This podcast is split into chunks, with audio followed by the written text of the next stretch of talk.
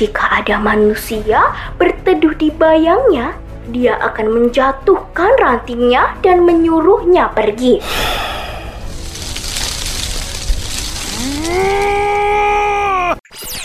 Apa iya definisi perempuan cantik itu hanya dari fisiknya semata? Yuk simak pengalaman para perempuan dalam pertama kali berhijab, penyitas perundungan, hingga penjuang jerawat hanya di podcast Semua Bisa Cantik. Persembahan Stylo Indonesia dan KG Media.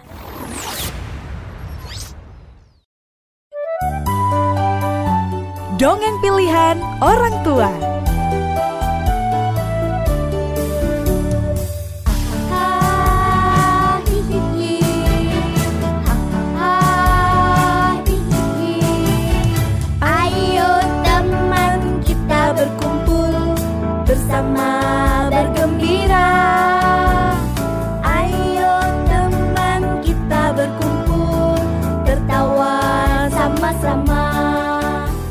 Episode ini merupakan kerjasama Sonora Surabaya dengan Kumpul Dongeng Surabaya.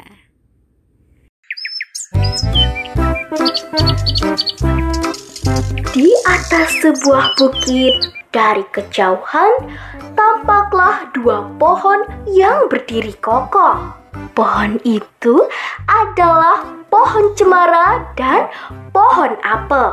Teman-teman, pasti sudah tahu kan pohon cemara dan pohon apel? Mereka berdua ini memiliki sifat yang berbeda. Pohon apel sangat ramah. Dia senang bila banyak burung yang bernyanyi riang di dahannya, membuat sarang.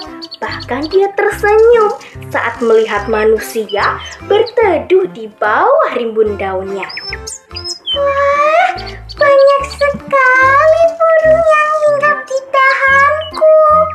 Mereka menyanyi, merdu sekali suaranya.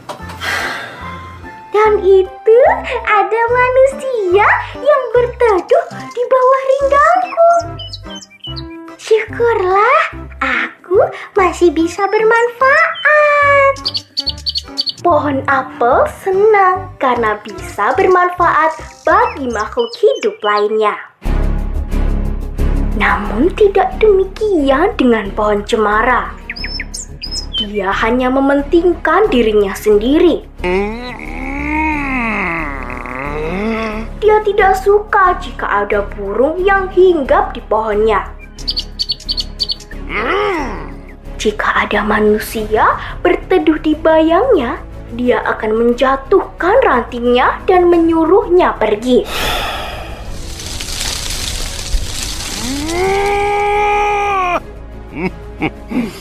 Karena dia merasa lebih hijau dan lebih besar dari pohon apel. Setiap hari dia hanya bernyanyi untuk memuji dirinya sendiri. Tiba-tiba ada segerombolan lebah madu datang.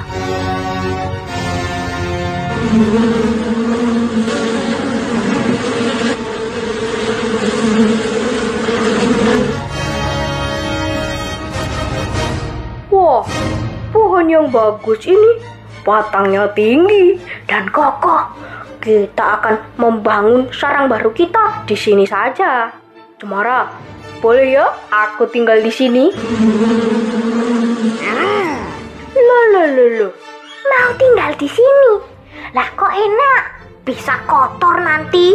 Dan kalian berisik sekali, selalu saja mendengung. Apel yang dari tadi hanya melihat dan mendengarkan, dia pun berbicara. Cemara, mereka kan lebah madu. Mereka penting bagi alam. Mereka akan selalu membutuhkan pohon untuk membuat sarangnya.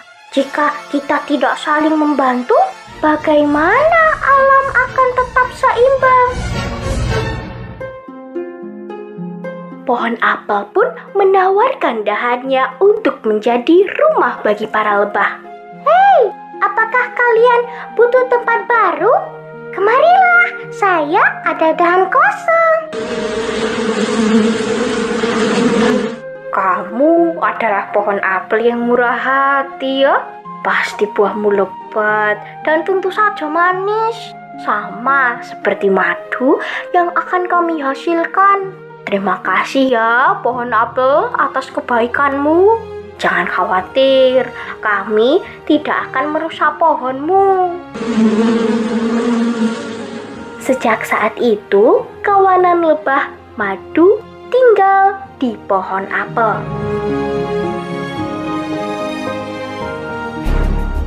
Beberapa minggu kemudian, di atas bukit berdatanganlah para penebang kayu. Mereka membutuhkan kayu untuk membangun rumah. Mereka melihat pohon apel dan berniat untuk menebangnya. Tapi salah satu dari mereka melihat sesuatu.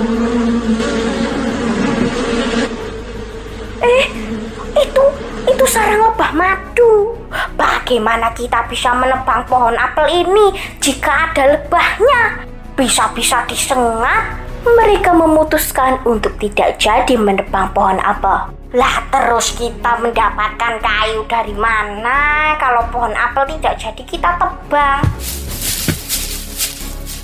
Mereka melihat pohon cemara yang tidak jauh dari pohon apel.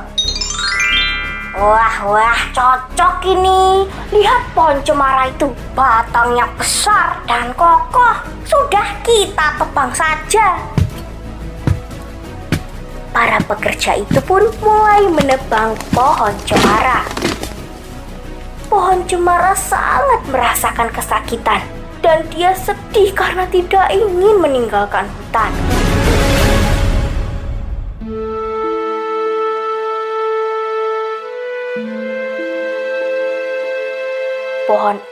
Apel yang melihat kejadian itu segera memanggil para lebah. Lebah, lebah, lebah, sini. Kalian ingin membantu Cemara tidak? Dia dalam masalah. Tidak, orang dia saja hanya memikirkan diri sendiri. Ayo lebah, jangan begitu. Bagaimanapun, dia tetap teman kita. Kita harus tetap membantunya. Baiklah, Apel. Aku akan menolongnya. Para lebah mendengung dan mendekati para pekerja.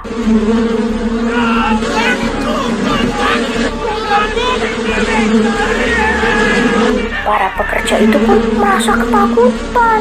Mereka lari tunggang-langgang.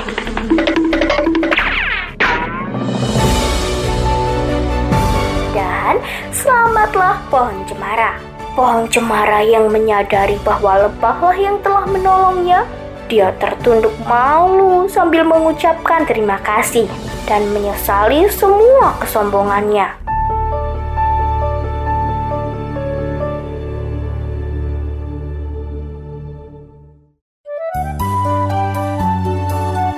Hai teman-teman, terima kasih sudah mendengarkan dongeng pilihan orang tua. Sampai berjumpa di dongeng berikutnya ya teman-teman. Dadah!